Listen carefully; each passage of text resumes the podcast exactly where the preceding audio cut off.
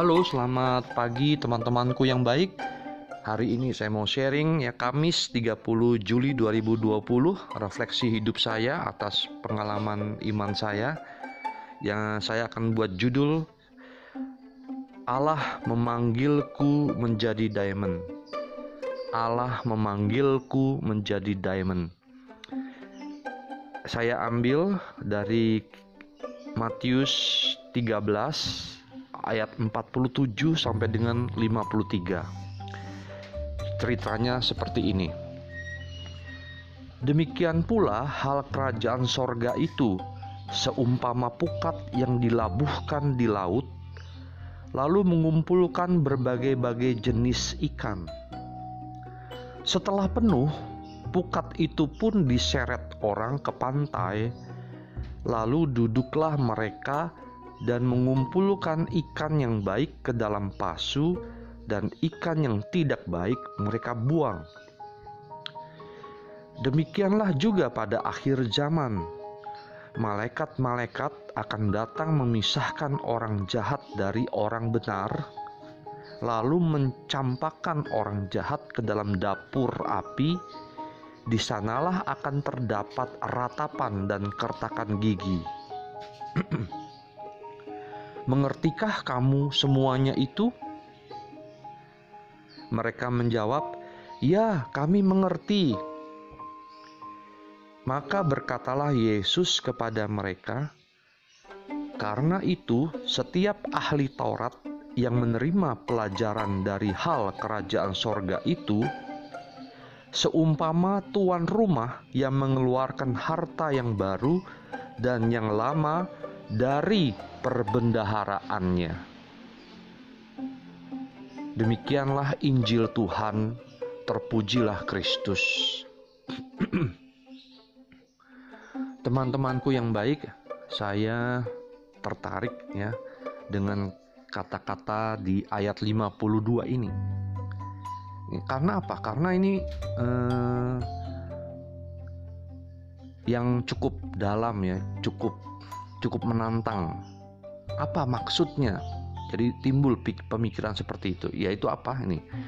Maka berkatalah Yesus kepada mereka, "Karena itu, setiap ahli Taurat yang menerima pelajaran dari hal kerajaan sorga itu, seumpama tuan rumah yang mengeluarkan harta yang baru dan yang lama dari perbendaharaannya."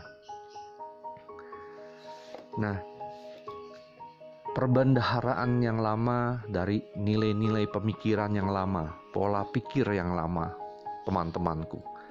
Perbendaharaan harta yang baru itu maksudnya pola pikir, nilai-nilai Kristiani yang baru. nah, pola pikir yang baru itu apa? Nah, ini yang menarik. Nah, teman-temanku mau kan kalau misalnya kerajaan sorga itu kan Yesus bilang seumpama uh, pukat yang dilabuhkan di laut lalu mengumpulkan berbagai-bagai jenis ikan. Setelah penuh pukat itu pun diseret orang ke pantai lalu duduklah mereka dan mengumpulkan ikan yang baik ke dalam pasu dan ikan yang tidak baik mereka buang. Nah, teman-temanku mau kan uh, di nanti di sorga ya pada waktu uh, kita dipanggil Tuhan itu kita masuk sorga gitu loh. Mau kan?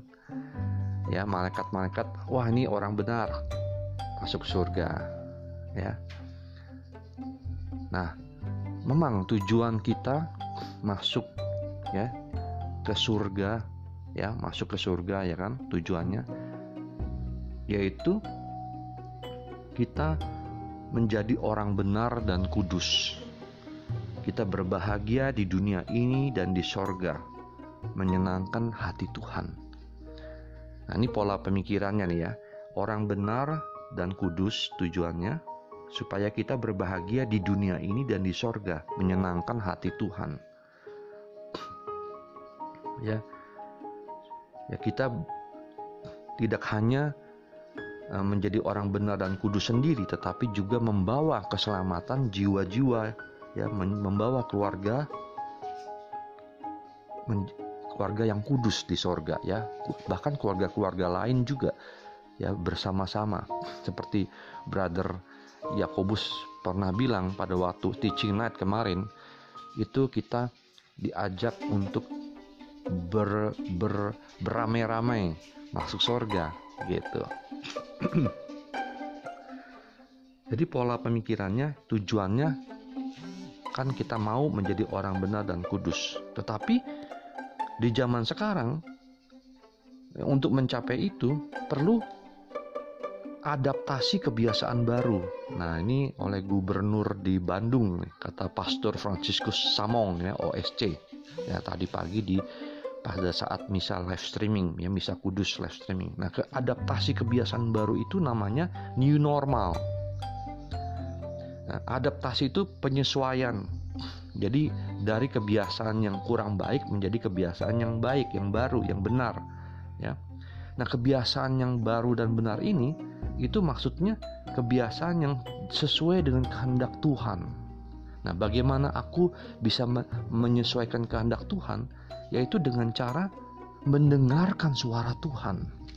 Jadi pada waktu berdoa bukan hanya meminta-minta saja, ya kita mengomong-omong minta-minta terus ya sesuai dengan kehendakku tetapi coba kita pola pikirnya ialah mendengarkan suara Tuhan seperti dalam meditasi Kristiani yang saya ikuti saya jalani juga kita diam hening ya silent sederhana ya mengucapkan kata mantra fokus pada kata mantra itu kata doa itu supaya kita tetap menjadi tenang dan mendengarkan suara Tuhan di dalam hati kita.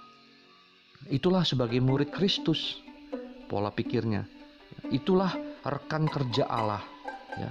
Kita sebagai diutus ya sebagai rekan kerja Allah membawa keselamatan jiwa-jiwa juga keluarga-keluarga yang kudus ya keluarga kita keluarga yang kudus dan juga keluarga-keluarga yang lain untuk kepada Tuhan dan itu adalah menginspirasi orang lain. Nah, itu adalah baru menginspirasi orang lain. Ya. Kalau kita benar dan kudus, kalau kita mendengarkan suara Tuhan, dan itu adalah mempertanggungjawabkannya, mempertanggungjawabkannya kepada Allah nanti di sorga. Gitu. Nah, ini seperti dalam bisnis yang saya geluti, eh, memberi inspirasi itu itu adalah uh, dia itu seorang yang memiliki bisnis itu, owner, memiliki sikap ownership, ya, sikap kepemilikan itu. Nah, tetapi pemilikannya itu yang bagaimana? Nah, jadi saya makanya saya beri judul Allah memanggilku menjadi diamond, bukan hanya mencapai diamond saja, tetapi juga Allah di sini memanggil saya menjadi diamond. Aku bermisi. Nah, di sini bermisi tidak hanya uh, menjadi kaya dan kaya. Nah, karena cita-citaku menjadi kaya dan kaya, kaya harta juga kaya hatinya. Nah, seperti uh, sekarang pesta Santo Petrus Krisologus ya, uskup dan pujangga gereja. Ya, beliau ini di, diberi gelar si mulut emas, ya, terkenal ya Nah, coba kita baca seorang yang dengan tekun dan sungguh-sungguh mengejar cita-cita akan memperoleh hasil yang melebihi harapan dan keinginannya. Ya.